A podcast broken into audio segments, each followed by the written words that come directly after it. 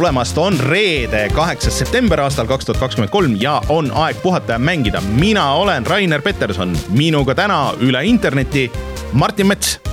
tere ma tean, et kõik kuulajad juba küsivad ja meil siin chatis küsitakse, et kus Rein on, siis äh, Rein äh, jah, äh, kaitseb meie kõigi kodumaad või siis on kordusõppustel, nii et tema on metsas, teeb päriselu Call of Duty't ja, ja tema muljeid siis kuuleme võib-olla sellest järgmisel nädalal loodetavasti. nii, aga. ma ei ole kindel, kas ta on järgmine nädal veel tagasi sealt metsast, aga no eks siis selgub. seal võib-olla on jah see, ühesõnaga loodetavasti on, aga kui ei ole, siis peksame selle Martini siia stuudiosse, sest et, äh, sest et äh, me ei olegi koos nüüd ikkagi ühes stuudios olnud. aga ka see viga tuleks parandada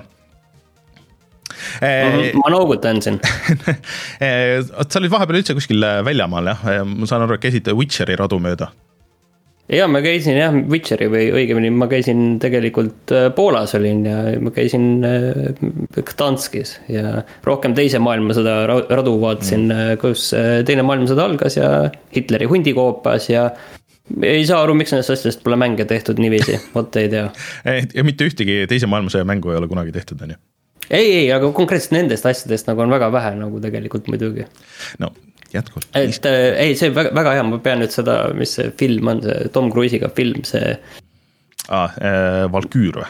Valküür jah, peaks nüüd seda vaatama, et see, see, see koht oli seal ka olemas, kus Hitlerile atentaati tehti, väga, väga huvitav, soovitan käia, väga mõnus. ja ei olnud liiga palav ka nagu seal äh, Vahemere ääres, kuhu nüüd ei kannata ju enam augusti või juulikuus minna. no mul on siin plaanis, oota, mul on kolm, kolme nädala pärast ma lähen Kreekasse, nii et äh, see saab. no see on juba okei okay aeg nagu selles mõttes jah. aga äh, sellest me räägime hiljem. ja sellest, millest me täna räägime, sest et ma olen näiteks mänginud Starfieldi, mis lõpuks väljas on, aga sellest räägime natukese aja pärast. teeme selle kohustusliku osa siia ära, ehk siis meil on Patreon, patreon.com, kaldkriips puhata ja mangida, kus te saate meid toetada. ja kui te meid sealt toetate piisava summaga, siis me loeme teie nimed ette, nagu näiteks Taavi jutlustaja X, Device null, Failissi, GameCAN, Kalevus, ML Linux, Randroid ja Quick. aga neid toetajaid on kindlasti palju rohkem. ja kui te meid toetate siis Patreonis, siis te saate tulla ka meie Discordi jutustama saate tasuta mänge, ma panin eelmine nädal äh, selle viimase mängupaki ülesse ja nüüd just kuulutati need äh, selle kuu omad ka, seal oli üks mingisugune päris suur asi, nii et aga äh, üks meie kuulaja, vabandust, kusjuures jagas ära ka teise Disco Elysiumi koodi, nii et ma viskan selle ka sinna Patreoni varsti, nii et, et olge valmis ja äh, siis äh, ühesõnaga patreon.com, kaldkriips vaataja mangida, kui olete meid toetanud, suured tänud, äh, kui plaanite toetada, veel suurem tänu.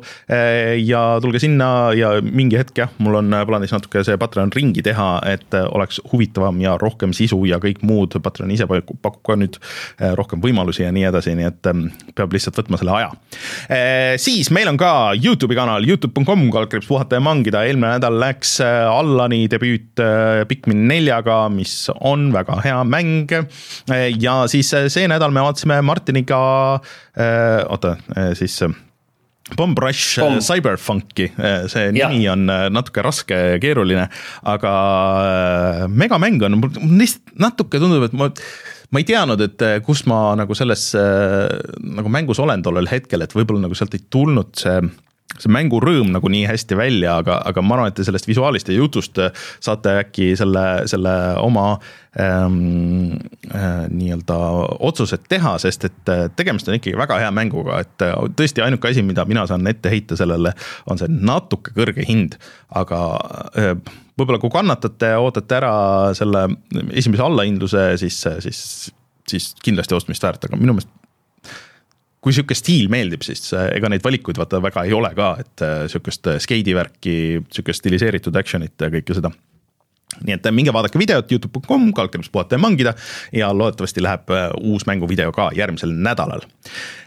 nii, aga siis Martin, mis meil veel täna teemaks? no Starfieldi sa juba mainisid, on ju, et see on nagu ilmselge äh,, siis äh, nüüd on nagu vist ka täitsa selge, et Switch kaks on tegelikult päris asi, vähemalt mingil kujul. ja seda on juba ka näidatud äh, inimestele, mitte küll veel avalikult, aga kes selles sektoris töötavad, äh, teevad tähtsaid otsuseid, et nendele on seda juba näidatud. meie seda ilmselt see aasta veel ei näe, aga mine tea, sellest ka räägime igal juhul. ja paar päris olulist stuudiot pandi kinni ja nüüd, kui meil on natuke aega olnud, siis räägime natuke sellest Counter Strike kahest, sest tegelikult see ju pidi, Valve'i lubas, et see ilmub suvel, aga noh, see suvi on selline lai mõiste on ju niikuinii. ja paar väiksemat uudist on veel, mina olen mänginud siin äh, Äh, Dontnodi mänge ma tegin läbi natukene paari aasta taguse Twin Mirrori, mm, mis äh, kuidagi nagu väga radarilt läks äh, läbi kõigil, mõnes mõttes põhjusega, mõnes mõttes mitte. ja siis ma olen läbi teinud The Expanse'i need kaks järgnevat episoodi, täna muidu tuleb neljas episood välja. Siis ma olen hästi natuke mänginud sellist asja nagu The Banished Vault mm., mis on saanud väga häid arvustusi igal pool ja mis on, tundub tõesti väga omalaadse stiiliga asi. ja siis sina oled äh, kas, kas see Making of Karateka, mis see, mis see, okei okay,, räägime siis. see on, see on äh, tegelikult äh, noh, põhimõtteliselt samalt tiimilt, kes selle Atari Collection'i tegi äh, ainult et ühe mängu jaoks, nii et aga see on väga oluline asi, millest tuleb rääkida. ja noh, Starfieldi algus siis natuke. vot, aga kõigepealt ma vajutan nuppu, tuleme tagasi ja siis me räägime uudistest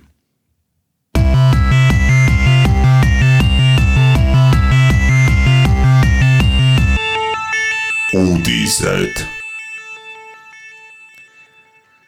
no kas alustame nende kurbade uudistega või? Switch kahega mõtled või no,? ma tegelikult okay. tahtsin parandada seda, et, et keegi ei arvaks, et ma ei tea, mis asi karateka on, et ma tean, mis asi karateka on küll, ma olen seda mänginud ka, aga sellest räägin pärast. aga mind tegelikult isegi natukene huvitas Switch kaks rohkem, sest just tuli, tuli Mm, tulid teated sellest, et Gamescomil seda näidati tegelikult arendajatele juba mingil kujul mm. -hmm. Ja ma saan aru nagu selles mõttes, et nagu päris füüsilist asja näidati mm. -hmm kas ma saan sellest nagu õigesti aru? no niimoodi äh, väidetavalt oli, et äh, see on sihuke suletud uste taga jutt, aga et, et ilmselt siis põhimõtteliselt oli see lõplik või, või peaaegu lõplik riistvara, seal näidati ka äh, mängu jooksmas äh,, milleks oli äh, Breath of the Wildi sihuke väiksem noh, nagu tuunitud versioon või, või midagi sellist. Mis see täpselt tähendab, muidugi ei tea ja et see ei ole nüüd kinnitus, et Breath of the Wild jõuab siis kindlasti selle Switch kahe peale ja, ja et sellest nii-öelda remake tehakse. Äh, või siis, et üldse, et mis sellest äh, saama hakkab. ma vist ütlesin selle aasta alguses, siis kui meil oli see aasta esimene saade ja siis me, siis me spekuleerisime, et noh, et mis see aasta nagu tulema saab ja nii edasi. ja ma ütlesin, et, et äärmisel juhul nagu äh, Äh, kuulutatakse välja, aga see aasta me Switch'i ei näe, et see on ilmselt pigem näidatakse siis äh, järgmine kevad ja ilmub siis järgmine kas siis suvi või, või siis aasta lõpp, et see aasta lõpp ma arvan, et nad äh, lasevad ikka veel selle vana Switch'i äh, otsas liugu, see müüb nii hästi, neil on mänge ka praegu nüüd tulnud järjest äh, ja Mario tuleb ja kõik need asjad. ma arvan ka, et täpselt, täpselt sellepärast, et, et siin tegelikult sel aastal neid Switch'i mänge, vahepeal oli nagu väike paus, on ju mm. -hmm. ja, ja nüüd on jälle hakanud neid Switch'i mänge tulema, pluss veel pluss veel tõesti siin aasta lõpus ka veel tuleb, siis ilmselt nad lasevad nagu ikkagi need põhisuured mängud välja ja siis kuulutavad selle Switch kahe kas aasta täitsa lõpus või järgmise mm aasta alguses nagu ametlikult välja. ja, ja siis millalgi järgmise aasta jooksul see ilmub. aga nüüd on mul, mul küsimus, et mis see nagu on, et kas see on lihtsalt äh, seesama Switch ja natuke võimsam, parem ekraan, nii edasi, nii edasi, et selline hästi selline loogiline, tegelikult selline võimsusepõhine arendus või tundes Nintendot, siis seal no ütleme, et see oleks nagu selline asi, kui Sony selle teeks mm, -hmm. siis see oleks selline hästi loogiline, võimsam ja nii edasi. Noh, põhimõtteliselt nagu sama asi, aga kas siis äkki seal peaks ikkagi mingi väga oma mingi veider gimmick ka küljes olema või? vot, äh, vot ei tea ma olen nagu natuke mõnes mõttes sinuga nõus, on ju aga, aga et äh, ma kahtlustan, et kuna Switch on müünud nagu nii hästi ja neil on nende sihukeste äh, konsooli järgedega on olnud nagu sihuke sketši business, siis äh, mina ei imestaks seda, kui see tulebki ikkagi nagu suhteliselt solid, et okei okay,, et see on, ongi hästi konkreetselt järgmine Switch see ei ole mingisugune uus asi, see on, ongi Switch kaks, mis on võimsam, samamoodi dokitav, ilmselt tal on see uus see Tegra noh, mingi Nvidia kiibistik seal ja võib-olla toetab DLSS-i, mis on ju väga moodne tänapäevane, annaks sellele päris pika nagu selle elujõu. ja siis äh, see nii-öelda tava Switch nagu vaikselt äh, phase itakse välja Äh, mängud saavad olema nagu cross äh, alguses äh, ja siis see light jääb alles ja sihukeseks odavaks lasteversiooniks ja edaspidi mängud vähemalt mõnda aega siis saavadki olema niimoodi, et sul on see light'i versioon, mis on võib-olla kolmkümmend kaadrit sekundis, seitsesada kakskümmend B, aga kui sa paned selle sinna Switch kahte, siis siis ta on nagu sihukesem võimsam, ägedam äh, see, et äh, nad ei saa võtta ära, et seal peab kindlasti olema ka see juba mingid spekulatsioon või noh, kuskilt lekkis nagu natuke, et.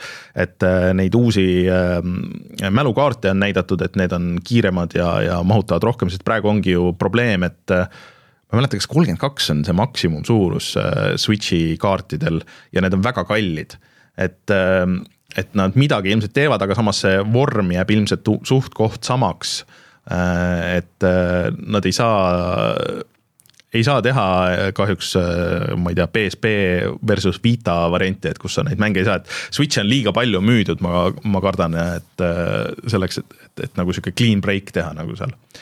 või ma ei tea, mis sa arvad no.? ma ei, ma nagu ei välistaks seda, et seal tehakse ikkagi break ja, ja selles mõttes, et ei saa mängida neid mänge. või vähemalt ütleme et üsna ruttu tulevad ikkagi Nintendolt ikkagi väga selgelt eh, Switch kahe eksklusiivid mm. ja mhm. nii edasi ja nii edasi. aga tagurpidi ühilduvus on olemas, et sa saad neid eelmisele Switch'ile digitaalselt ostetud mänge on ju mängida mm. -hmm. et võib-olla see pool jääb alles aga et sa võtadki seda kui tervet ökosüsteemi, see Switch'i ökosüsteem, kuhu sa oled investeerinud ennast, kuhu need sada miljonit äh, inimest on ennast inve-, investeerinud. et nad võtavadki seda, kui et okei okay,, et sa oled seal ökosüsteemis, me nüüd toome need inimesed äh, Switch kahe peale, noh, sama ökosüsteem, lihtsalt, äh, lihtsalt sa ei saa neid uusi mänge selle peal mängida ja kui sa tahad seda neid uusi mänge mängida, mingid ägedad uued Nintendo eksklusiivid, suured, siis selle jaoks saab, noh, sul peab olema mingi põhjus ikkagi, miks sa selle Switch kahe on ju ostad mm. -hmm. et kui need sada miljonit inimest on suhteliselt rahul sellega, mis neil juba praegu on, siis miks nad peaksid seda uut ostma, et seal ikkagi peab nagu mingi. mingi süke, selline asi peab ikkagi olema. sihuke see Xbox'i nagu see süsteem, et, et Nintendo on ju alati ikkagi peamiselt teeninud selle äh, mängude pealt et mm,. aga siin, siin natuke ongi see mure tegelikult, et tegelikult see hetk, kui sa teed väga eduka konsooli, siis pärast seda sul läheb väga raskeks. Mm.. et võtame sellesama Playstation kahe, on ju, et äh, et see Playstation kolm pärast seda, et see oli päris keeruline oli müüa seda pärast, on ju. Mm, -hmm. nagu me kõik teame et see võttis jah natuke aega, et ma arvan, et seal äh, Nintendo ongi nagu sihukeses keeru-, keerulises situatsioonis, et nad ei saa väga palju muuta, aga nagu peaks. Äh, et nagu peaks jätma alles need vanade asjade toe, aga nagu ei peaks, on ju. et see saab tulema huvitav aga mina, mina kahtlustan, et see muutub vähe, äh, saab olema tagasiühilduv. Äh, mängud, äh, kui sa mängid, siis võib-olla on nagu veitsa stabiilsemad ja nii edasi ja siis sulle hakatakse mingi kümne-viieteist euroga neid, alguses neid mingeid update'e müüma ja siis, siis edaspidi sa ostad jah, kas et, kui sa ostad selle uue kallima mängu, siis lihtsalt Switch'i peal, vana Switch'i peal ei näe nii hea välja ja ongi kogu lugu no saame näha, aga, aga täitsa võimalik, et tegelikult mitte veel siis ja arendajatel pidi ka käes olema tegelikult et lisaks sellele, et äh, nüüd näidati nagu, nagu kinniste uste taga, siis, siis osadel mingitel suurematel stuudiotel ma kahtlustan, et a la Ubisoft, äh, kes on alati uue konsooli launch'i äh, aegu on platsis, et siis, siis neil vist on käes juba mõnda aega, räägitakse. et aga see portimine pidi olema lihtne, väga lihtne ja loogiline seade. kuna seal jah, on juba teada-tuntud äh, tehnika sees ja, ja kõik on sellega juba tuttavad, siis, äh, siis loodetavasti ähm, läheb Switch'ile mängude tegemine lihtsamaks. arvestades Nintendo enda asjad ka ju, noh, siin see Pikmin neli on ju Unreal'i mängud, et äh, äh, ega nad tahavad seda ilmselt hoida mm. -hmm. mina ei tea, räägime siis ära need kurvad uudised ka, jah jah, see esimene uudis tuli tegelikult kohe pärast meie eelmist saadet ehk siis see Volition, me isegi rääkisime sellest, et äh, Volitionil ei ole hästi läinud ja, ja et Saints Row see uus reboot oli nüüd selles Playstation plussis selle kuu mäng ja nii edasi. Ja siis tuli uudis, et see Embracer paneb Volitioni kinni ja mitte niimoodi, et aa, et me siin hakkame vaikselt koondama, aga, aga et see oli vist kolmekümne esimesel tuli uudis, et esimesest on kinni, inimesed jäid kõiki oma nendest, seal USA süsteem, vana hea, et eh, need tervisekindlustused ja kõik need asjad lõppesid järgmisel päeval. Eh, ja siis tegelikult nagu mm, noh, selle varjus oli mingeid veel rohkem koondamisi, et eh, Gearboxist vist läks palju rahvast, Äh, küll vist selle nagu nii-öelda väljaandmise poole pealt, selle publishing'i poole pealt ja ja siis äh, mingitest teistest äh, stuudiotest veel. nii et ähm, väga kahtlane oli see, vaat siis, kui ma vaatasin, siis kui see Embracer ostis neid stuudioid kokku miljonite ja, ja miljardite eest, siis see kõik tundus väga veider ja, ja kõik jah, ütlesid, et nii, et ei, et Äh, me ei puutu midagi, kõik jääb niimoodi tiksuma nagu, nagu enne oli. ja minu meelest sina ütlesid veel ka, et, et kurat, et see on nagu imelik, et kui ikka ostetakse nagu kokku neid, et siis tavaliselt ikkagi nagu vaadatakse, et kust optimeerida ikka nagu. nagu tõmmatakse mingeid otsi kokku ja tehakse nagu, nagu paremaks asju, aga et kui keegi nagu midagi ei tee, et siis see on nagu imeliku maig-, maiguga, ütlesid sina vist või? võimalik jah, see kõlab midagi sellist, aga, aga Evolution on tegelikult nagu pika ajalooga stuudio, et see on selles mm -hmm. mõttes nagu oluline, et nad ikkagi selline kolmekümne aastane stuudio ja, ja selliseid stuudiodega nüüd nagu väga palju tegelikult ei ole ja, ja tegelikult ju nad alustasid üldsegi nende Descendi mängude ja Free Space'i mängudega mhm. üheksakümnendatel mm. -hmm. siis, äh, või isegi varem või? kolmkümmend, ei. kuskil seal jah? ei, kolmekümnendatel või üheksakümnendatel jah. ja siis, äh, ja siis nad tegid seda Red Factionit, mis omal ajal oli tegelikult ka väga revolutsiooniline asi mm. -hmm. et noh, täiesti lõhutav füüsika, et noh, ma ütlen, oligi esimeses mängus oli tegelikult veel kõige naljakal kombel kõige rohkem lõhutavam füüsika mm. -hmm. ja see oli selline suhteliselt tavaline FPS, aga see oli nagu väga äge. ja siis nad hakkasid seda Saints Row'd tegema ja, ja mõnes mõttes nagu naljaks on see, et mul on tunne, et see Saints Row saigi neile saatuslikuks mm. -hmm. sest need eh, esimesed Saints Row'd olid ju väga edukad.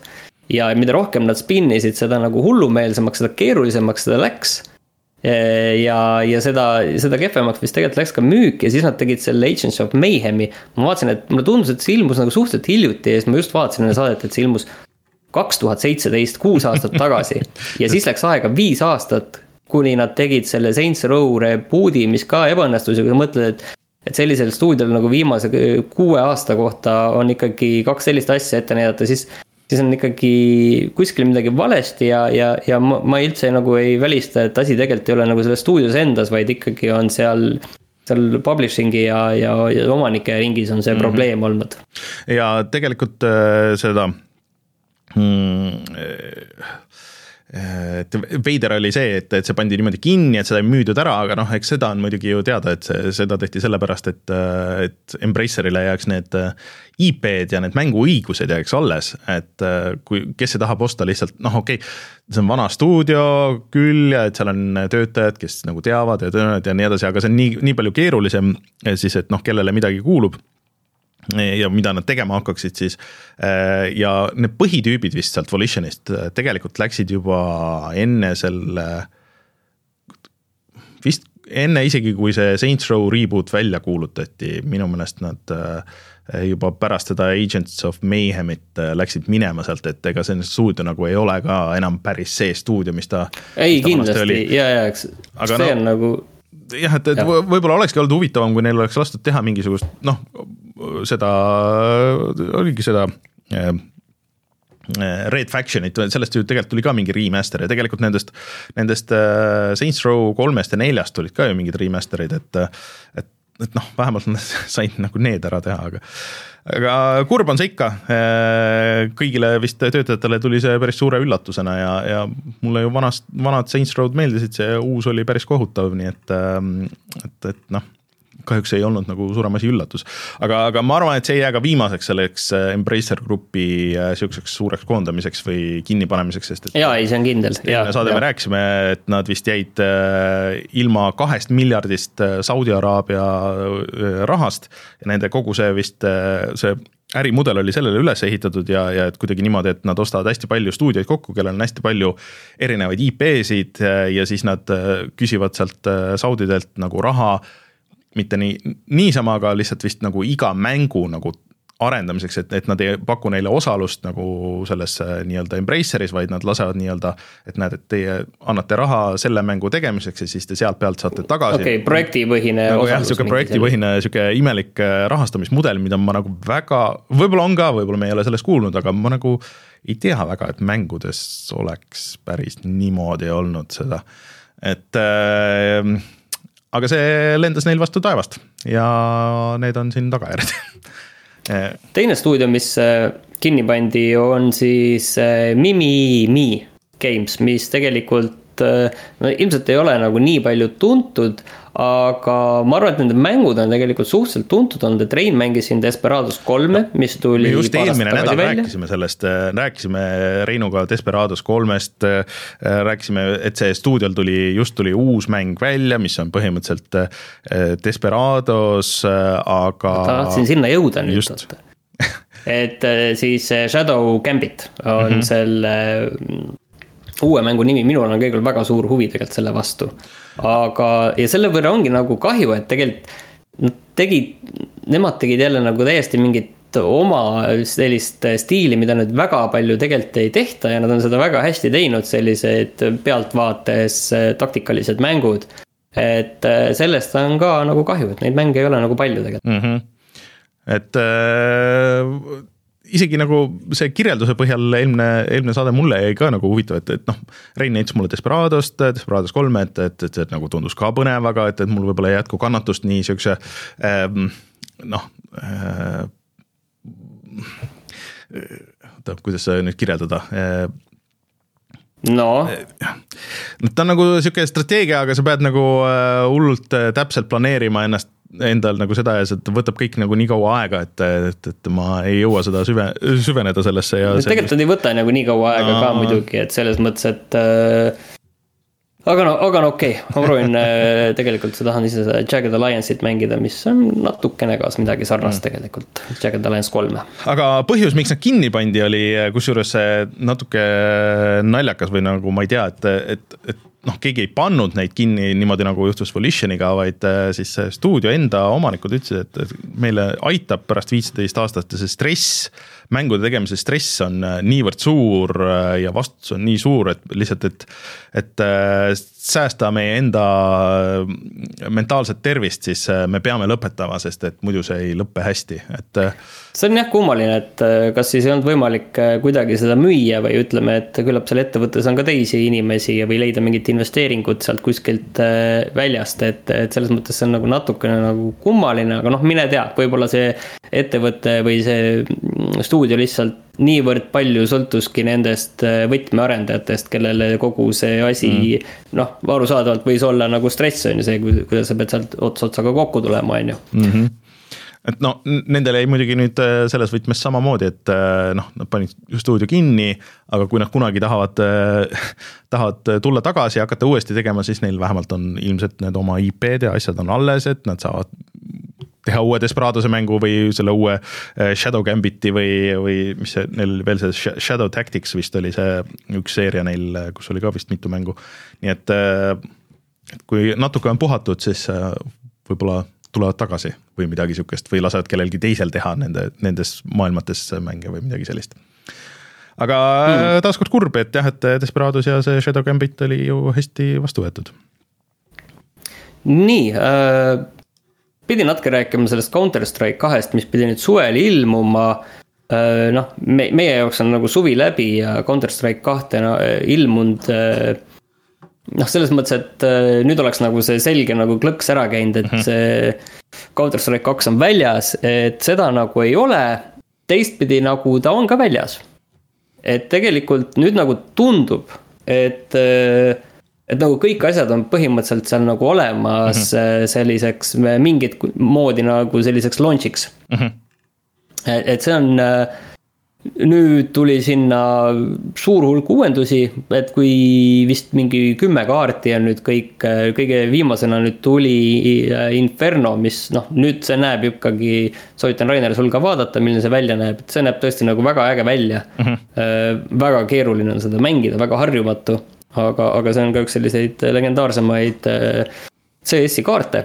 Mm, ja ma olen ka nüüd natukene proovinud seda mängida kasvõi nagu sellepärast, et nüüd tegelikult eh, noh, muidu on nagu Counter Strike'i põhiasi see, et mis sul see äh, skill level siis on, on ju, et oled Global Elite või oled Gold mm -hmm. Nova, on ju. ja naljakas on see, et äh, et see süsteem sellisel kujul kaotati ära ja nüüd tulevad leaderboard'id, aga noh, sa pead kümme mängu võitma -hmm. et sinna leaderboard'i ja sinna ennast sisse saada. ja ma veel ei ole seal maal, et ma oleks kümmet mängu praegu võitnud aga, aga see, et noh, kogu Counter Strike'is tuleb selline ülemaailmne leaderboard'ide süsteem, et see on tegelikult juba noh, väga suur, suur, suur uuendus, see on tegelikult noh, põhimõtteliselt juba on ju olemas. Ja kui varem olid need skill grupid lihtsalt, siis need skill grupid on tegelikult nüüd äh, kaardipõhised, et sul igal kaardil on oma oma skill grupp, et see on hästi nagu seda, see, see meta selles mõttes nagu kõik äh, muutub, siin olid noh, selles mõttes on nagu naljakas, et varem pandi nagu kõikide kaartide pealt, mis sa mängisid, seal pandi su see skill grupp äh, kokku. aga, aga siis võis juhtuda lihtsalt niiviisi, et mõni sellise keskmiselt hea mängija mängis mõnda mm, väga vahetuntud kaarti ja tal võis seal väga hästi minna ja siis ta võis tänu sellele kaardile jõudagi sinna Global Elite'i välja tegelikult mm, -hmm. mis oli selline äh, veider viis, et seda kokkuvõttes üldse nagu sai nii teha.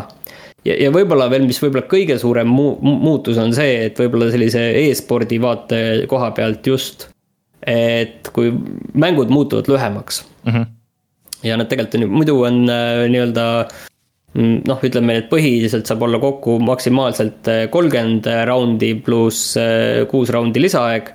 siis nüüd siis on kakskümmend neli raundi pluss kuus raundi lisaaeg, et ütleme, et niiviisi julgelt kümme, kümme minutit, võib-olla isegi natuke rohkem võivad mängud nagu tegelikult lühemaks minna mm. -hmm. ja Valve ütles ise, et see on muidugi väga hea, et, et siis jõuavad rohkem mänge mängida päevas nojah, see on asi, mis mind on ka nagu tegelikult hoidnud sealt äh, Counter Strike'ist väga nagu hea ka eemale, et noh, üks asi on muidugi see kõrge skill level, äh, millele ei, ei isegi ei, ei pürgi, aga see, et, et sul need raundid on jah, mingisugune nelikümmend või viiskümmend minutit või mis, mis need olid, on ju et ähm, tundub nagu no nelikümmend viis kuni poolteist tundi tegelikult võib olla ka mm. tegelikult välja, aga, aga ütleme niiviisi, et noh, nelikümmend viis minutit oli selline noh, suhteliselt selline standard, millega pead arvestama mm., kui hakkad pihta. Okei okay no.. aga, aga nagu mängust endast tegelikult, et need uued kaardid on ägedad ja harjumatud, aga. aga seal liikumises ja kõiges on ikkagi midagi, noh, tead, võib-olla see on see, et, et ma olen ise seda CS GO-d nii palju mänginud ja mida rohkem sa oled mänginud, seda. sa oled mingi asjaga lihtsalt nagu nii ära harjunud, siis eh, kui sa hakkad tegema midagi sarnast, mis on natukene teistsugusem aga põhimõtteliselt sama, aga natuke teistsugune, siis, siis nagu iga väike asi nagu tundub vaata nagu vale mm. -hmm ja siis ongi näiteks võib-olla minule nagu veidral kõige harjumatud on need eh, surma saamise hetked, et mm. -hmm. et CS GO-s see on kuidagi nagu selline noh, selline tõesti nagu laksakas käib läbi ja sa tunned seda ja, ja, ja see on selline. noh, tõesti nagu selline korralik impact, aga CS kahes see on selline. kuidagi selline nagu mööda minnes või, või kuidagi kuidagi midagi on nagu ja see on nagu kokkuvõttes sa nagu ei loe seda surma, sul pole vahet, sa enam ei mängi, on ju. Mhm. et tegelikult sellel mõnes mõttes ei ole nagu mingit äh, noh, päris mõju, aga see on nagu mingi naljakas asi, mis nagu tegelikult äh, häirib. ja okay. ikkagi kogu selles liikumises ja asjas, need muudatused on seal nii väiksed, aga need, iga väike asi tundub niiviisi, et lihtsalt mul on tunne, et seda CS2 peaks nagu mingi aasta aega mängima ja siis tead, unustad selle kuskilt äh, seljaajust selle CS-GO ära, et siis nagu, äh, siis nagu tundub see asi õige mm, -hmm. loodetavasti, ma ise loodan niiviisi aga, aga ütleme niiviisi, et mina praegu ei ole selle Counter Strike kahega nagu niiviisi lainel, et. et oh kui äge ja, ja seda on nii mõnus mängida.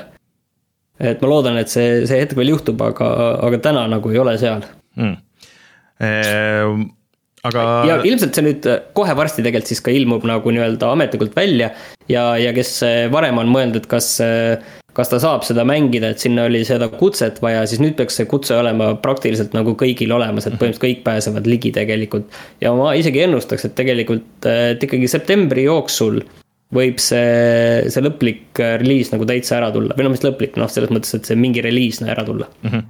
okei Äh, aga huvitav ikkagi, ma ei mäleta ühtegi teist mängu, mis oleks nagu niimoodi teinud, eriti need siuksed live mängud, et, et, et okei okay,, et me nüüd hakkame vaikselt asendama ja siis me lõpuks nüüd asendame, et noh, kõik põhimõtteliselt kandub nagu üle, aga see ei ole nagu teine osa, aga me äh,. et lihtsalt äh, äh, äh vaikselt, vaikselt timmime nagu selle mängu hoopis mille, millekski, millekski teiseks. ja no ja kõige huvitavam küsimus on ikkagi see, et mis sellest CS-GO-st seal taga jääb, et kas lihtsalt ongi nagu äh, kõik, äh, kas see kuidagi nagu mängitavaks, et ma saan aru, et noh, mis seal võib-olla põhiasi on see, et kui ta ei jää nagu mängitavaks sellisel äh, niiviisi, et sa sinna leaderboard idesse või skill gruppe midagi saad, kas ta jääb nagu alles kuskile sinna. sest noh, praegu mul, mul ongi, on ju, seal on kaks mängu, on ju, et kas see kuidagi jääb alles, ei tea, on ju, mitte midagi pole selle kohta öeldud mm. -hmm. et see on ka nagu mõnes mõttes nagu on kahju et selline osa nagu sellest äh, ajaloost nagu ära kaob ja mõnes mõttes see ongi nagu põhjus tegelikult, miks ma ikkagi viimasel ajal olen mänginud enamasti võimalusel CS-GO-d, sellepärast ma tean, et, et äh, siin on oht, et see kaob ära nüüd igaveseks mm -hmm. tegelikult. aga, aga kas see kaob aga... igaveseks ära või? no mingil kujul ma arvan, et ta ei kao, aga, aga noh, saame näha, et võib-olla see jääb nagu eraldi mänguks lihtsalt äh, seal Steamis alles, aga lihtsalt ta ainus muudatus on see, et ta ei, et sa ei saa seda nii-öelda noh, ränkki ei saa seal mm. -hmm. Sest, et siis... CS üks koma kuus äh, ju ka ikka veel tiksub edasi või ei ole? jaa, et sa neid kõiki saad nagu mängida minu teada, aga, aga lihtsalt ongi, et seal enam sellest äh, mm,. sa, sa ei saa seal edasi mm, -hmm. selles mõttes sul ei ole ametlikke mingeid leaderboard'e või skill gruppe või mida, mitte midagi sellist. aga ma ei ole kindel ka, ma, ma ise olen seda kunagi ammu mänginud natukene ja kõik no ootame siis huviga, et kui see lõpuks välja tuleb. aga Steamist räägime korra, üks kiire, kiire asi siia veel, et ähm, Rein, eelmine saade just kurtis siin, et, et või noh, mina ka, et mängisin seda Ratchet Clanki, aga et ma tegin seda Xbox'i puldiga, ma ei ühendanud ära äh, seda DualSense'i sest ma isegi ei tulnud selle peale, et mul on ju nüüd olemas see, ma ei ole, ma ei ole seda arvuti külge pannud. Ja paljudel mängudel nagu äh, justkui nagu on see tugi, aga samas ei ole ka, isegi osadel vist nagu Sony enda mängudel ei ole seda tuge. aga nüüd tuleb Steam'i vist äh, eraldi sihuke väike nupuke või, või nagu koht, et kus sa näed, et äh, kus on eraldi välja toodud, et kas ta toetab, toetab DualShocki, kas ta toetab äh, DualSense'i ja siis neid DualSense'i tugi siis tähendab seda, et neid haptilisi igasuguseid tagasiside asju, mis peaks tegema selle põhimõtteliselt puldiga mängimise ja, ja mängu valimise oluliselt jälle lihtsamaks. väike nagu asi, aga väga hea asi. see on jah, päris nagu selles suhtes oluline. ja muidu siia veel ka üks sihuke hea uudis Xbox'i kasutajatele, et Xbox'il tuleb nüüd võimalus striimida Discordi otse ehk siis, et sa saad, et see chat'i asi tuli juba mõnda aega ja sa saad tegelikult päris hästi äh, siin, äh, kui ma logisin sisse sinna meie stuudioarvutisse Discordi, siis ütles, et noh, et kas sa tahad visata, et mul on äh, see konsooli konto on ka nagu ühendatud, et kas sa tahad visata konsooli seda chat'i. et, et põhimõtteliselt sa saad rääkida sõpradega ise olles Discordis ja striimida neile või siis oma mingisugusesse kanalisse ja gruppi Ähm, seda mängu, mida sa mängid äh, või siis olla seal mõnes chat'i jutukanalis, äh, see on väga äge. et seda peaks testima, et kuidas siis, et kas äkki niimoodi saab salvestada hästi, et ei peaks neid juhtmeid ühendama, et sõltub, kui hea see kvaliteet on seal Discordis, aga, aga võib-olla oleks sihuke äh, hea viis mingisuguseid online asju proovida. nii et ka väike, väike asi, aga päris hea, mugav ja Nintendo ei plaani siis äh, Zeldale, sellele uuele Zeldale äh, DLC-sid teha ka, sa tahtsid selle ära markeerida? jah, äh, mitte et seal väga vaja oleks, ma mängin seda siiamaani jätkuvalt iga nädal, minu kõige mängitum mäng. aga eelmine Breath of the Wild sai mõned siuksed väiksemad tasuta DLC-d ja kaks sihukest suuremat pakki aga Tears of the Kingdom siis ilmselt mitte noh, ma loodaks, et siis saab lihtsalt selle nii-öelda HD versiooni siis Switch kahe peal, mis jookseb paremini ja näeb ilusam välja, et sellest piisaks. et ma nagu väga ei tunne, seal on lihtsalt, seal mängus on juba nii palju asju, et, et ma ei tunne, et, et, et sinna oleks väga vaja midagi juurde ka ja Vampire the Masquerade Bloodlines kaks äh, on siiski elus ja lubatakse, et see ilmub järgmisel aastal, see kuulutati välja siin juba päris mitu aastat tagasi ja siis vahepeal kippus see asi äh, ära kaduma. jah, et siin on äh, äh, Hardsuit Labs oli see, kes seda enne tegi ja siis äh, nüüd seda teeb edasi äh, stuudio nimega The Chinese Room äh, aga mina ei suutnud kiirelt vaadates nagu aru saada, et mis stuudioga tegu on või mis nad enne on. see on see, kes on tegelikult teinud neid äh, jalutamis äh, simulaatoreid varem, ühte mm. mängisin, noh, DR Ester võib-olla oli nagu tuntum, mis ilmus võib-olla kümme aastat tagasi. aga mina olen mänginud ja isegi tegin video meile kunagi sellest mm. Everybody's Gone to the Rapture, mis oli, mulle väga meeldis, aga üldiselt nad on teinud vist jah, natukene teist tüüpi asju mm okei okay., äh, nii et äh, võib-olla sellest ikkagi saab asja, et see on üks nagu siukseid ähm, naljakamaid äh, arenduslugusid jälle, et nagu see sellel aastal ilmunud äh, see noh, ütleme see zombimäng, mis käis ka kolme stuudio vahel äh, see mm -hmm. Dead Island kaks või mm. -hmm. aga et see lõpuks oli täitsa ju okei okay mäng vist, ta muidugi natuke tuli ja kadus. Äh, ja tegelikult see Bloodlines kaks kuulutati ka kaks tuhat üheksateist juba välja ja tegelikult nad ütlesid, et noh, et järgmine aasta peaks justkui välja tulema. aga no usume siis, kui näeme.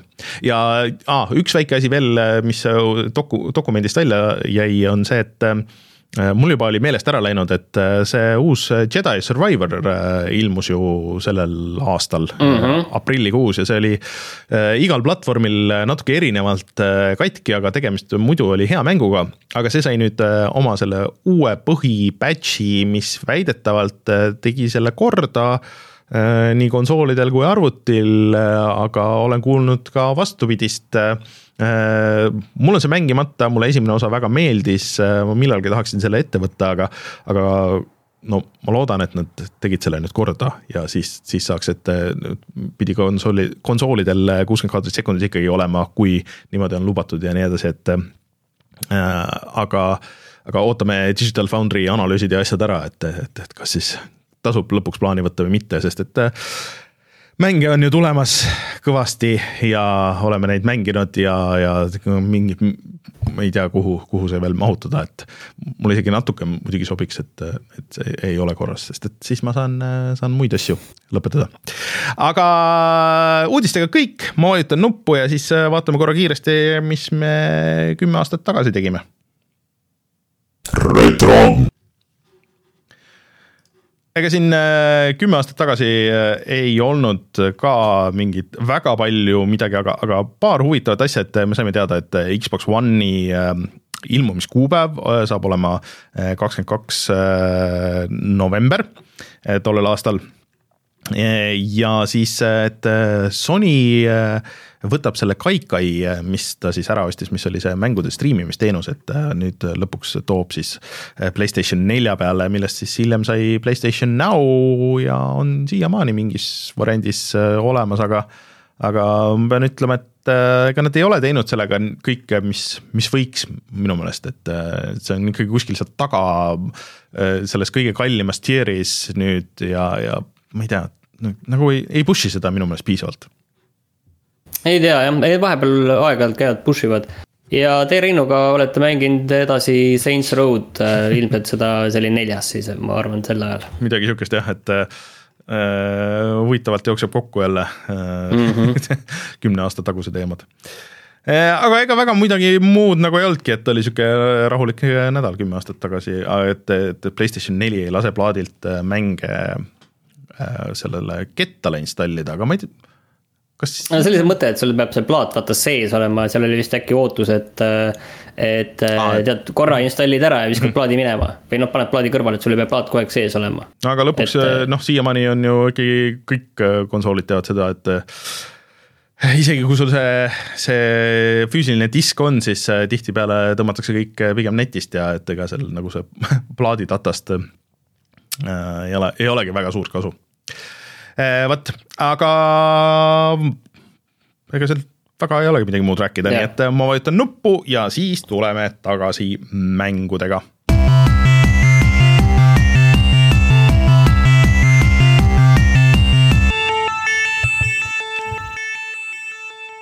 Ega ilmselt äh, varianti ei ole, ma pean alustama selle Starfieldiga, eks ole jaa, ma saan aru, et sa jõudsid nagu hästi vähe tegelikult mängida, aga ma saan aru, et sa mingi, mingid esimesed emotsioonid sa ikkagi ja. said. ma ei tea, kas ma ütlen, et, ütlen, et selle aasta kõige oodatumalt mängult või? no kindlasti jah, kära on selle ümber olnud palju, kes on elanud kivi all või kuulab seda kümme aastat hiljem või nagu ikka juhtub, siis Starfield järgmine mäng Bethesdalt, siis Fallouti ja äh, erinevate äh, nende Elder Scrollsi mängude autorilt ja see on täpselt nagu Bethesda mängud siiamaani on olnud, nii heas kui halvas, et ähm, ma kaalusin see nädalavahetus, et kas ma võtan, et, et seal oli see süsteem, et kui sa ostad selle kolmekümne dollarise upgrade'i, siis sa saad juba viis päeva varem hakata mängima äh, seda äh, noh, Gamepassi versiooni, et sa ei pea seda täismängu ostma, sa saad osta ainult selle nagu nii-öelda early access'i sinna. ja mulle tundus küll, et kogu internet vist tegi seda, sest et äh, igal pool äh,, igal pool feed ides, kus ma, kus ma nägin ja olin, siis no ma ei näinud mitte midagi muud peale, peale Starfieldi juttu. aga äh, kahjuks see, mis ma seal nägin äh,, tõmbas nagu natuke minu seda entusiasmi alla Äh, ja ma ei võtnudki seda, mõtlesin, et ma ootan ära siis selle kolmapäeva õhtuse reliisi ja, ja siis äh, võtan selle ette. või jah, ta oli vist meie aja järgi küll vist siis teisipäeva öösel vastu kolmapäeva, et aga, aga, aga mina jõudsin selleni kolmapäeval. Äh, ja ma tegin siis seda algust ja tegin ära selle character creator'i koha, et põhimõtteliselt siis äh, sa oled kosmoses, täpselt nagu kõik need äh, viimase aja või viimase noh, viimased kolm-neli äh, seda äh, Bethesda mängu on olnud, et, et see algus on nagu natuke teistsugune, et sihuke aeglane, et, et, et see kerib ja et, et sa oled kuskil hoopis kosmose asemel kuskil kaevanduses, suhteliselt sihuke näotu tegelane, äh, sinuga juhtub õnnetus ja siis sulle antakse ette tahvel, mis Äh, siis äh, äh, põhimõtteliselt laseb sul valida, et okei okay,, et, ähm, et milline sa välja näed tegelikult ja, no kohe alguses on nagu see, et, et ta jookseb Xbox'il, ma võtsin just selle Xbox'i versiooni äh,, kuigi tal on vist crossplay arvutiga ka, et kui ma tahan mingi hetk tahan kolida arvutile või vaadata, kuidas see seal jookseb, siis, siis ma saan seda teha. Või tähendab siis see, see cross save Äh, aga äh, jookseb ilusti, stabiilne kolmkümmend kaadrit sekundis, mis on parem kui ükski Bethesda mäng vist ilmselt võib öelda. Äh, ta kindlasti ei näe halb välja, niisugune väga atmosfääriline ja nii edasi, kogu see algus. aga kuidagi nagu kõik see esimene, see, see emotsioon nagu seal on see, et okei okay,, et see on ikka nagu sihuke, natuke sihuke nagu vana mängu feel on või midagi sihukest et äh, nagu. et lihtsalt äh, kogu see ülesehitus või kuidagi, et see on see.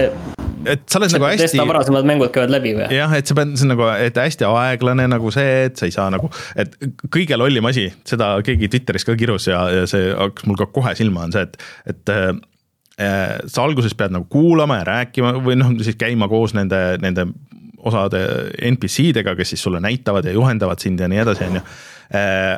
Aga nad kõnnivad ja liiguvad äh, niimoodi, et kui nad kõnnivad, siis nad kõnnivad nagu natuke kiiremini, kui sina kõnnid. ja kui sa jooksed, siis nad, siis nad on natuke aeglasemad, kui sina oled. ehk siis sa pead nagu täpselt nagu hoidma seda, et kuulge, come on, liigume nüüd, lähme nüüd sinna, kuhu me peame minema, please, lähme nüüd.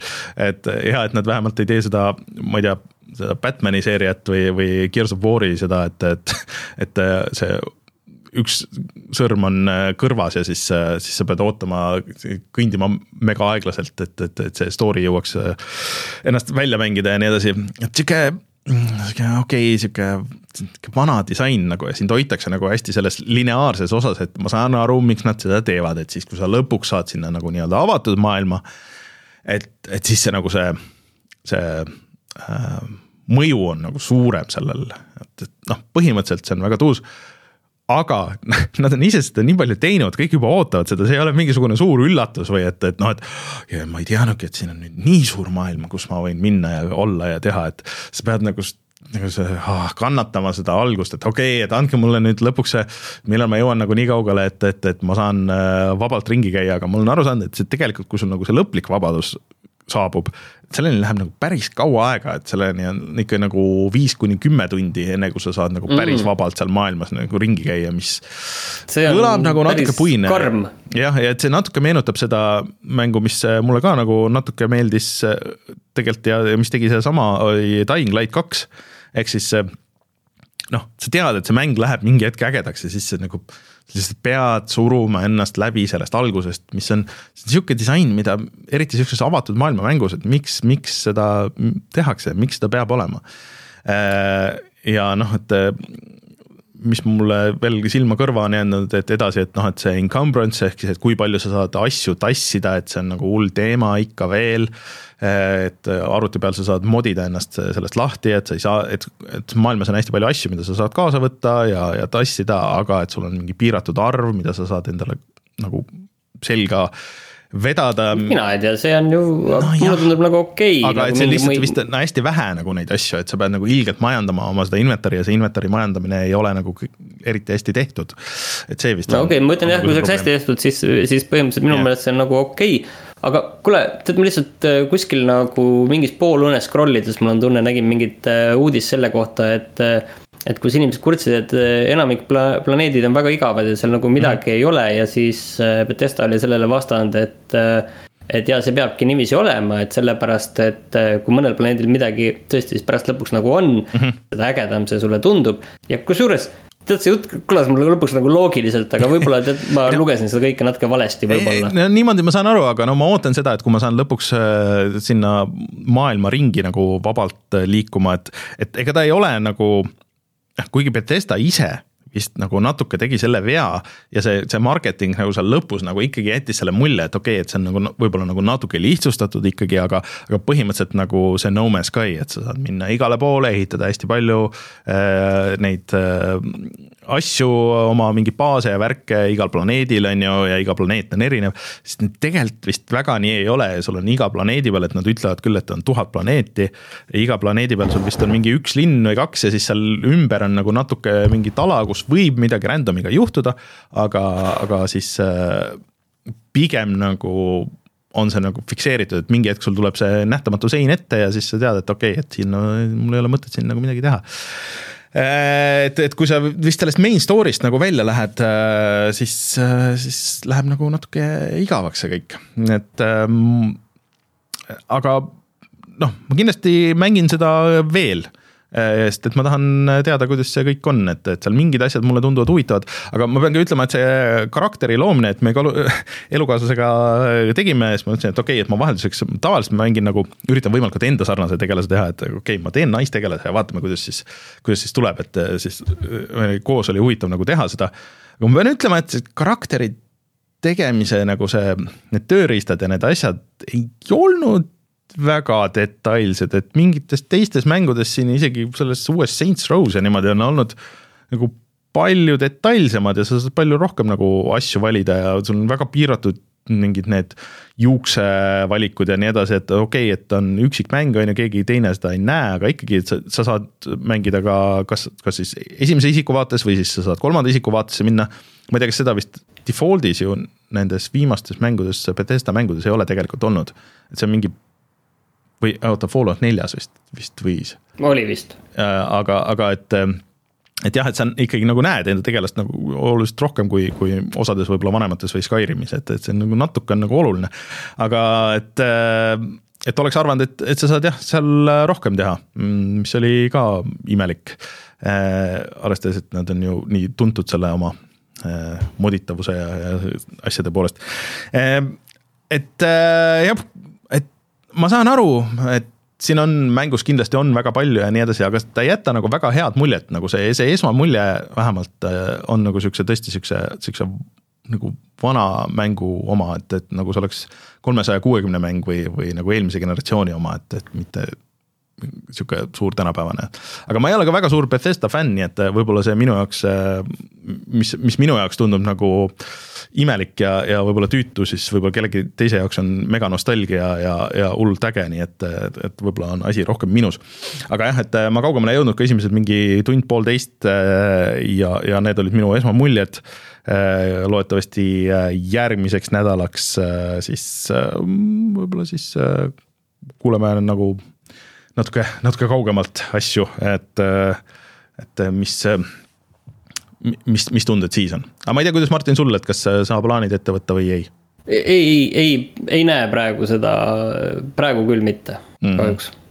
et. aga okei okay,. ei, lihtsalt, et naljakas aga..., naljakas, et inimesed võrdlevad nüüd äh, äh, seda, seda maailma interaktiivsust äh, CyberPunkiga ja, ja nagu positiivses võtmes CyberPunki poole, mis on väga imelik kui, kui CyberPunk oli nagu muidu see, et kes sai äh, mööda peidi jalgu kõigi käest, et näed, vaata, et kui, kuidas kümme aastat äh, vana, vanemas mängus sai kõiki asju teha ja CyberPunkis ei saa, siis, siis nüüd on need, äh, need lauad pööratud aga jah, äh, järgmine nädal kindlasti rohkem muljeid.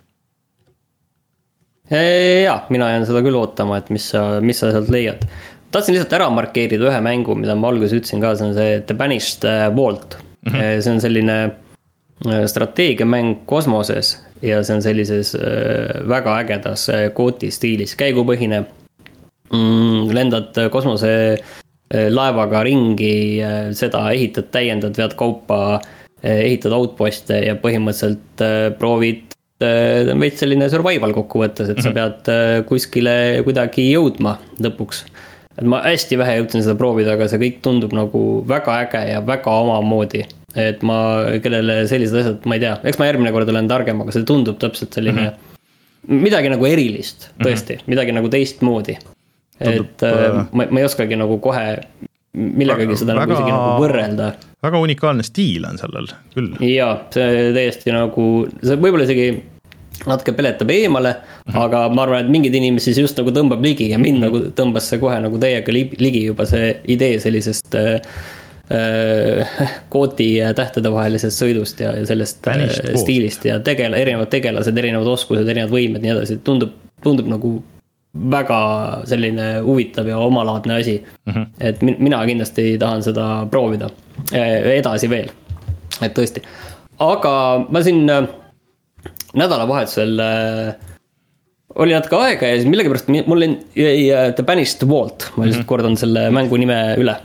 aga nädalavahetusel oli siis natuke aega ja siis ma olin just läbi teinud need Expanse'i Äh, kaks äh, järgnevat episoodi, äh, teise ja kolmanda mm. -hmm. ja, ja mõnes mõttes see on nagu naljakas mäng, et, et ma saan aru, et tegelikult ta on nagu hästi keskpärane ja, aga samas midagi mulle seal meeldib. ja samas ma näen seda, et see on noh, seesama Deltali valem ja, ja see Deltali valem on natuke veel õhemaks tõmmatud. ja, ja siis nad on nagu väga hädas, et mis mis siis on see mängitavus, mis toimub seal nende dialoogide ja valikute vahel, mis on see mm. päris mängitavus? et äh, seal on natuke rohkem ruumi ja sa saad äh, mm, kosmoses saad ikkagi selle skafandriga natuke lennata ja uurida, et äh, see on nagu äge. aga noh, see ongi natuke selline lihtsalt selline avastamine. E-, et aga noh, mis siis veel nagu see mängitavuse osa on ja mhm. siis on natukene välksündmusi kui on mingi võitluse koht. ja, ja siis pärast seda nad on nagu ilmselgelt nagu hädas mm. -hmm.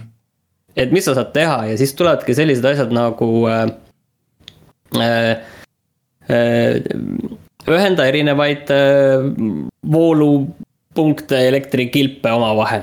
ja see, need on sellised hästi lihtsad, aga okei okay,, sa oled, sa oled seal null gravitatsioon, räägid mm ringi äh, Drummer mul, ei ma ei ole näinud, sarja ma ei ole näinud ja, aga Drummer peategelasena praegu mulle seal meeldib mm. -hmm. et see, see on kõik nagu okei okay. aga peategelane tundub nagu täitsa, täitsa tore, kõik, lugu nagu täitsa jookseb, selles mm, -hmm. selles ei ole nagu äh, kahtlust ja, ja sarja vastu tegelikult naljakas ongi see, et see tekitab rohkem nagu sarja vastu huvi. sihuke sarjareklaam mm. nagu natuke. jah, jah, et see, see, see nagu töötab. aga, aga muidu nad on seal hästi hädas, et seesama noh, ühenda need vooluasjad, seal on niiviisi, et ka, et kas nüüd paremale või vasakule siit vooli ja siis teed selle ära ja need on hästi lihtsad ja, ja sellised äh, mm, et nagu natuke on hädas, aga samas see, see lugu ja kõik nagu kuidagi päästab ja, ja mulle, mulle meeldib ka see, et tõesti ongi iga kahe nädala tagant on, või on see episood tulnud ja see episood ongi tund või tund kakskümmend. noh, poolteist tundi võib-olla. et, et see, see kuidagi see formaat nagu sobib ja, ja see maailm, see, see tundub nagu äge ja, ja lugu ka nagu suht jookseb, et, et midagi nagu üle mõistuse ei ole, aga samas äh, tulid juba ägedad twistid ja, ja see, see osa nagu meeldib.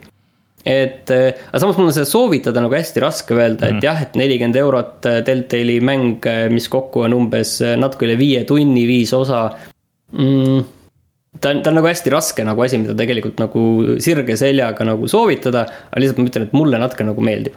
okei okay. ja seda on siis arendanud Dontnode ja siis ma hakkasin mõtlema, vaatasin selle Dontnode'i mängude nimekirja üle ja siis mul tuli meelde, et on üks nende mäng, mida me ei ole mänginud, see ilmus äh, kaks tuhat kakskümmend. see koos äh, suhteliselt äh, koos, mis siis ilmus, üks Life is Strange'i mäng neilt. Life is Strange kaks äkki või, ühesõnaga seda tegi teine tiim kes tegi, äh, kes ei teinud seda Life is Strange'i, selle nimi on äh, siis Twin Mirror. ja see, see tundub ka olema selline huvitav äh, projekt, et see on mäng, kus mm, samasugune selline valikutega filmilik mäng, aga kus on natuke rohkem võimalust ringi käia. ja kui noh, selline hästi tüüpiline selline mm,, ei, samal ajal ilmus see teine mäng. nii mis, mille nimi mul ei tule muidugi meelde. aa, sa mõtled aga... see, need äh, filmilikud, need ka ähm...? ja, ja, aga ei, seal ilmus üks äh, hea, hea mäng, mille nimi ei tule meelde, aga, aga. aa, õige, Tech9, tead, ma ajasin segamini jah, meil Cobret chatis parandab, Tech9 tegi seda Expanse'i, aga lihtsalt sellega mul tulid Ontmoodi asjad tulid meelde.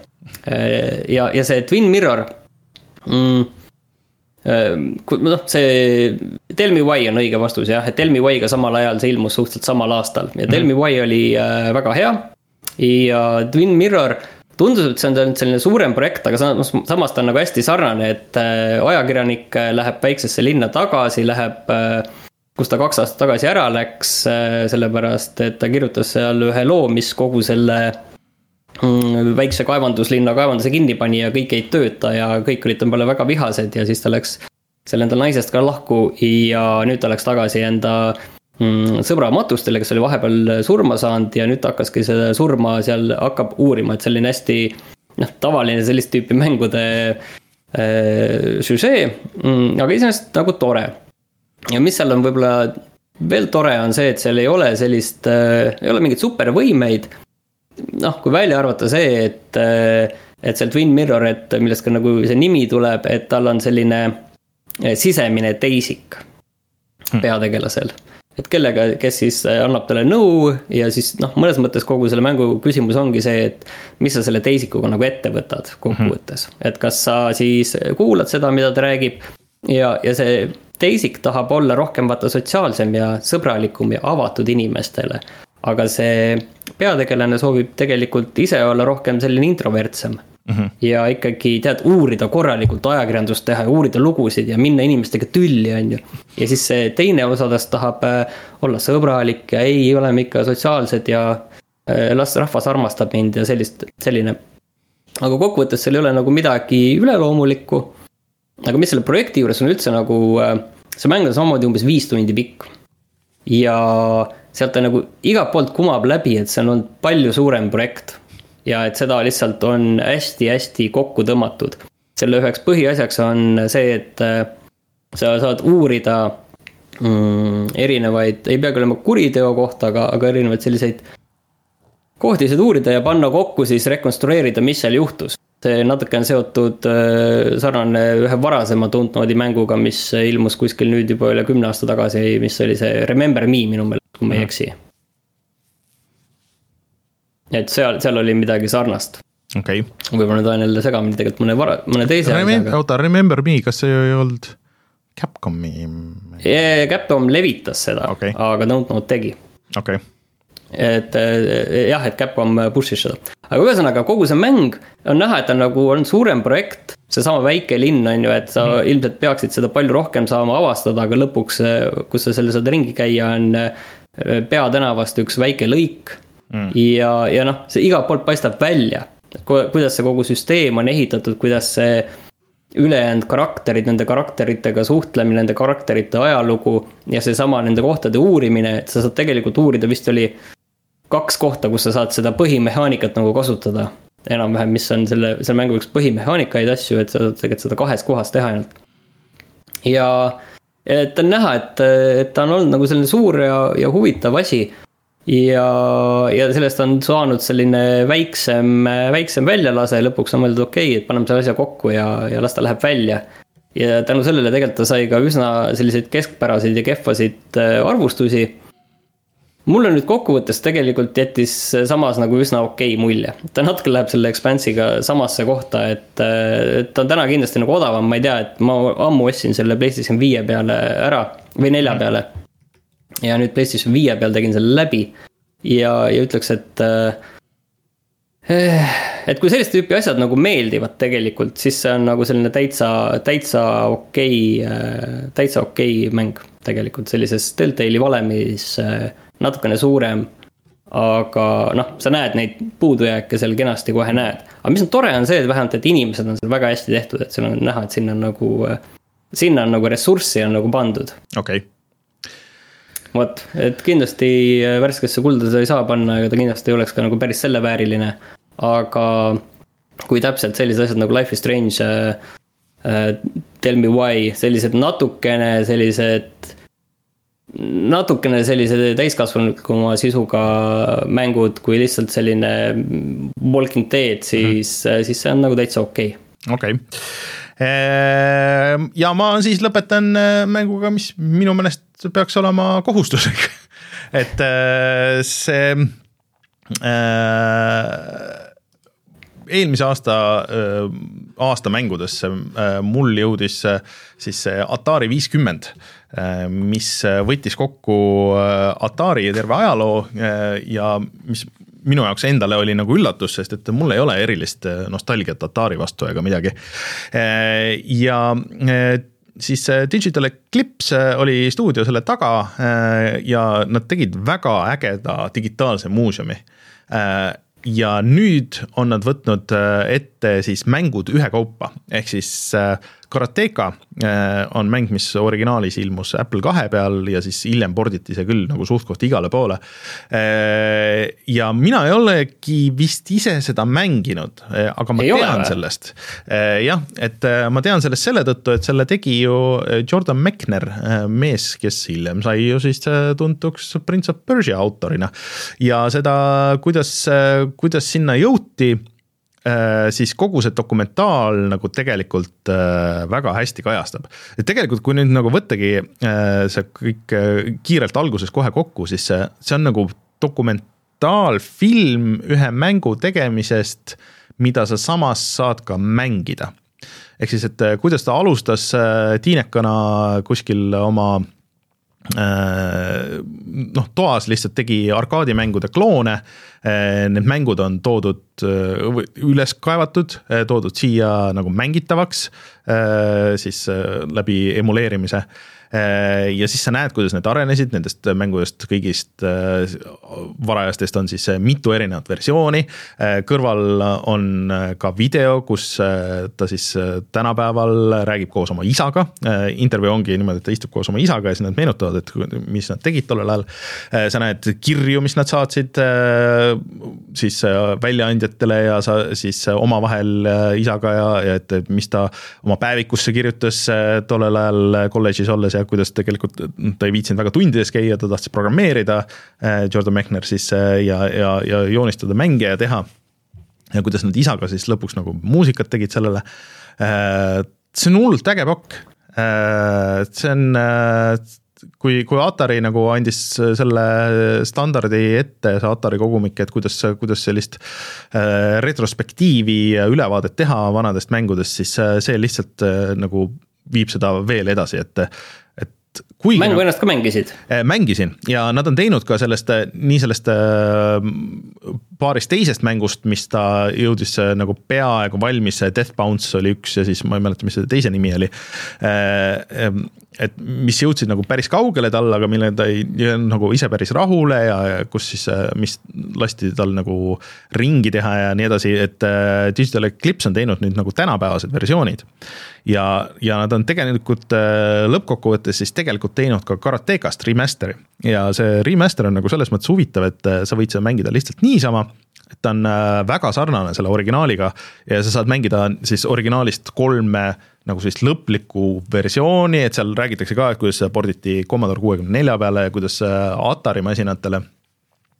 Ja see noh, otse loomulikult jõudis hiljem ka mujale ja nendest, nendest asjadest noh, siis Nintendo portidest ja nii edasi, et on, on ainult box art'id küll, aga, aga sellest ei ole midagi, et sa saad mängida neid noh, nagu niisama ja siis sa saad mängida seda remake'i ja seda remake'i saab mängida ka niimoodi, et sul on see remake'i autori ehk siis Digital Eclipse'i Mike Maika kommentaar sealjuures. ja siis sul on iga asja kohta, et okei okay,, et et siin oli niimoodi, aga me tegime nagu niimoodi, sest et, sest et me tahtsime seda ringi teha või me lisasime seda, aga me ei näppinud nagu näiteks jälle seda, seda liikumist ja et, et me jätsime animatsioonid selliseks, aga me muutsime seda.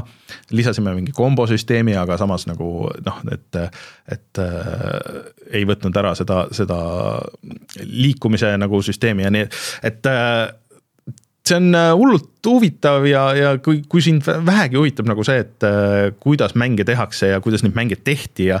ja, ja kõik see, siis, äh, siis tõesti nagu minu meelest see on täiesti kohustuslik, see maksis vist kakskümmend eurot kakskümmend eurot on jah, kuule üks küsimus nüüd. kui sa seda originaali nüüd mängisid, kaugele sa jõudsid?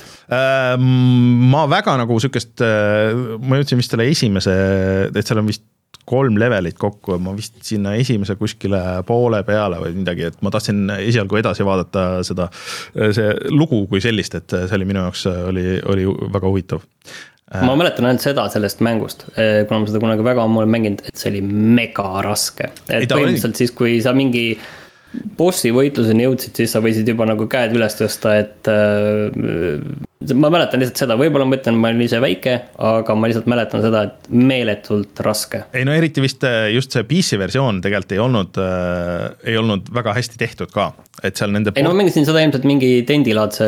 no see veel, see oli see NES-i, NES-i versioon ja see ei olnud ka nagu see, nad räägivad seal, et, et need board'id ei olnud väga head ja et, et see oligi nagu neil suur, suur probleem iseenesest, et, et tegelikult, et noh, kes ei ole, kes ei ole mänginud karatekat, siis, siis teadmiseks, et see on nagu külje pealt vaates ähm, ta ei ole nagu platvormikas, et ta on nagu see noh, nagu, nagu need arkaadi. Jah, side-scroller, et sul on jalalöögid, sul on käelöögid. sa pead arvestama siis vastastega ja nii edasi, et, et, et kuidas nad löövad ja, ja ja siis, aga seal on tähtis ka see, et kas sa oled võitlusstance'is või mitte. et kui sa ringi liigud, siis sa tegelikult pead jooksma, aga kui sul vastased tulevad ekraanile, siis sa pead võtma selle võitlusstance'i. et suhteliselt nagu sihuke, arvestades aasta oli mingi kaheksakümmend neli või kaheksakümmend viis, et jah, et, et selle aja kohta nagu veel eriti nagu keeruline süsteem tegelikult aga kui sa tahad neid mänge nagu näha ja lõpuni näha, siis äh, nagu kõigis nendel Digital Eclipse'i kogumikel, et, et sa saad nagu vaadata tervet playthrough'd ka. ja mm. suvahetkel hüpata sinna sisse ja siis kerida edasi või tagasi ja, ja mängida seda läbi. et see on äh, päris cool ja huvitav süsteem nagu selle, selle kõige juures aga siis sa seal näed ka see, nagu seda, et okei okay,, Karateka sai valmis ja siis näed, et kuidas see vastu võeti ja millised review'd olid ja. ja lõpus äh, jutuks selleni, et okei okay,, et nüüd on nagu nõutakse seda Karateka kahte, et seal on. see väljaandja pakub seda mingisugust äh, endapoolset ähm, lahendust ja, ja story't, et mis võiks olla, sest et noh see oli, oli ka nagu väga äh, uudne tollel ajal, et tal üldse oli nagu story ja tal olid mingid äh, sinemaatilised äh, cutscene'i moodi asjad ja et noh, keegi tollel ajal sellist asja ei teinud, et see oli, see oli noh revolutsiooniline, et kuigi seda väga hästi ei mäletata, et aga, aga mitmed äh, mängutegijad, kellega on ka intervjuud seal, et, et siis räägivad, et kuidas noh, see oli mind-blowing nagu nende jaoks tollel ajal, et, et oo oh,, et sihukest asja saab mängudes teha ja Tom Hall äh, ID Softist ja kes seal veel olid et, äh, et siis lõpuks, et noh, et kaks ja siis, siis ta pakub välja, et, et seal olid mingid prototüübid ja pildid ja mis see tegi ja siis sa näed sealt, kuidas sealt vaikselt hakkab Prince of Persia välja tulema, et, et lihtsalt mul kõige suurem kahju selle kõige juures on see, et et see jääb huvitava koha peal pooleli, et ma tahaks nüüd edasi näha, et okei okay,. no kuidas... eks see Prince of Persia tuleb siis järgmisena. no ei tea, kas tuleb, sest et vot selle Prince of Persiaga on vist see õiguste kamm, et see on ju vaata midagi on Ubisoftil ja, ja, ja et, et noh, kes nagu, kes nagu seda kõike haldab, et ja nii edasi, et aga et äh, väga äge pakk, tõesti, et, äh, et ma tahaks näha rohkem, äh, siin eelmine saade me Reinuga natuke arutasime, et mis mängudest tahaks nagu sihukest näha. et noh, tuumi on nagu nii palju nii palju tehtud ja see on nagu nii hästi arhiveeritud kogu see Doom'i story, et võib-olla see ei oleks nagu nii huvitav. aga, aga ma ei tea, et noh, et mina pakkusin siin, et Goblinsi seeria oleks huvitav, et, et vaata, et et kus, kust see kõik tuli ja kuhu see jõudis, et, et seal on nagu nad... jah, ma ei oskagi kohe nagu millegagi siin tulla nüüd. ja kõik need LucasArtsi asjad on ka, et noh, oleks nagu ägedad, aga need on ka nagu päris hästi dokumenteeritud, aga midagi sihukest, mis oli nagu väga põhjapanev ja, ja oluline eh, tollel ajal, et aga seal muidugi on nüüd ka see, et noh, et sihukest pakki ei saa teha, kui sul ei ole dokumente ja materjali sellest äh, säilinud ja kui sul ei ole neid inimesi, kellega intervjueerida või noh, kellega intervjuusid teha ja nii edasi, et, et siis, siis see juba, juba nagu ei ole nagu nii, nii äge, aga, aga ma saan aru, et neil, see on nii-öelda Goldmaster Series, neil esimene osa ehk siis neil on äh, tulemas veel mänge ja plaanis on veel mänge, et äh, jään huviga ootama, et mis, mis need järgmised on. aga Karateka, Making of Karateka, äh, see on vist väljas enam-vähem kõigil platvormidel, vist jõuab füüsiliselt ka mingi hetk, et, et väga tuus Äh, mina olen äh, vanade mängude fännina, et see annab, see annab nagu selle konteksti, et sa vaat, sa võid võtta selle, noh, sa võid tasuta minna praegu archive.org'is on, sa saad mängida selles brauseri aknas nagu sadat eri seda versiooni sellest. või kus iganes sa paned sisse Play Karateka näo äh, kuskil brauseris, sa saad seda teha aga kui sul ei ole seda konteksti, vaat sul see kontekst seal ümber nagu annab selle, selle hullu väärtuse ja seesama oli selle Atari kogumikuga ka, et, et need mängud iseenesest ei ole nagu midagi erilist enam tänapäeval ja, ja kui sul ei ole seda nostalgiat ka. aga kõik see seal ümber on see, mis selle huvitavaks teeb, et. Ähm, ei, see tundub väga äge küll, mul, ma kindlasti ise ostan selle ka ära siin ühel hetkel. jah, et, et, et mina soovitan, et, et väga tuus pakk tehtud äh, kõikidele vanade mängude huvilistele ja ma paneks selle kindlasti ka värskesse kulda. Äh, vana mäng värskes kullas, äh, mul oli siin ees isegi just, et mis meie värske kuld praegu on, on Xenotilt, Bomb Rush Cyberpunk ja Baldur's Gate kolm, nii et mulle tundub, et vist Baldur's Gate kolm kõige vanem asi kukub välja ja ma teen selle muudatuse ära. jah äh,, vot äh, aga mulle tundub, et vist on kõik asjad mängitud ka ja räägitud, äh, nii et ma vajutan nuppu ja siis, siis äh, tuleme tagasi. ja vaatame, mis on odav sellel nädalal.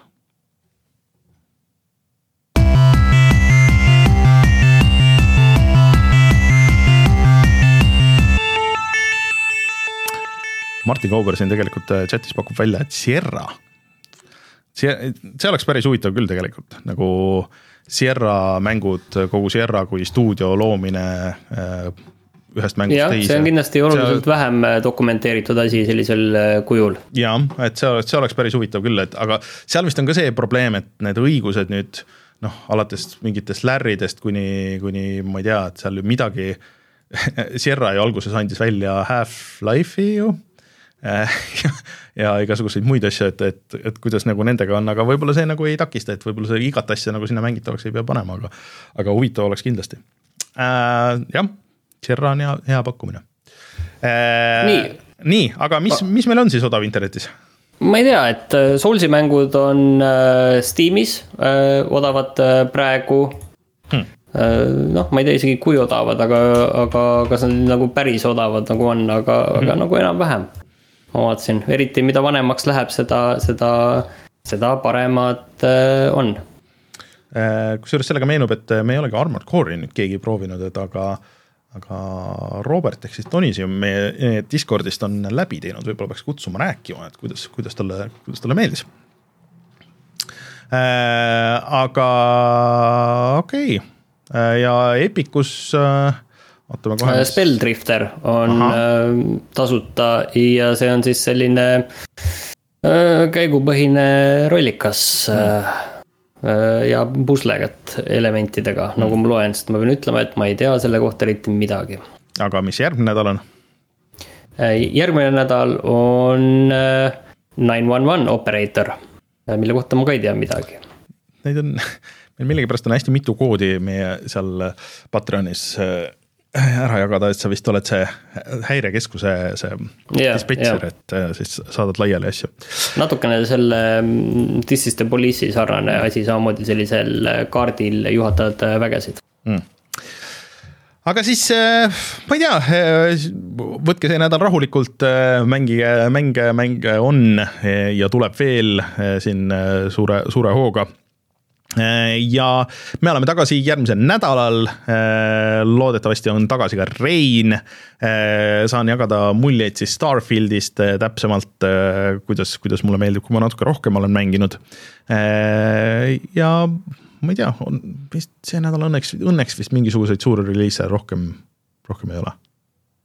minu meelest, mida proovida aa, Baldur's Gate kolm tegelikult tuli ju Playstation viiel nüüd välja ja mm -hmm. räägivad, et see olla päris äh, hea port. kiidetakse mm. -hmm. et äh, ja see Xbox'i versioon tuleb ka millalgi ja, ja see Larian ütles, et äh, save, et sa vist crossplay'd ei saa teha, aga save kandub igalt platvormilt igale platvormile, mis on huvitav süsteem, et kui sa praegu näiteks mängid Playstation viie peal, tahad hiljem kolida Xbox'i peale ja sealt pärast arvutisse, siis sul on see võimalus.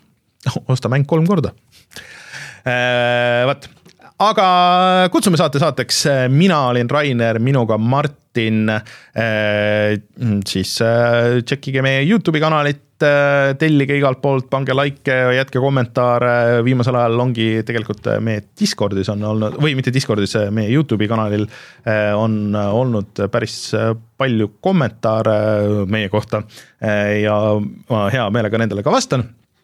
nii et jätke aga veel ja siis äh, kuuleme-näeme järgmisel nädalal, tšau. tšau.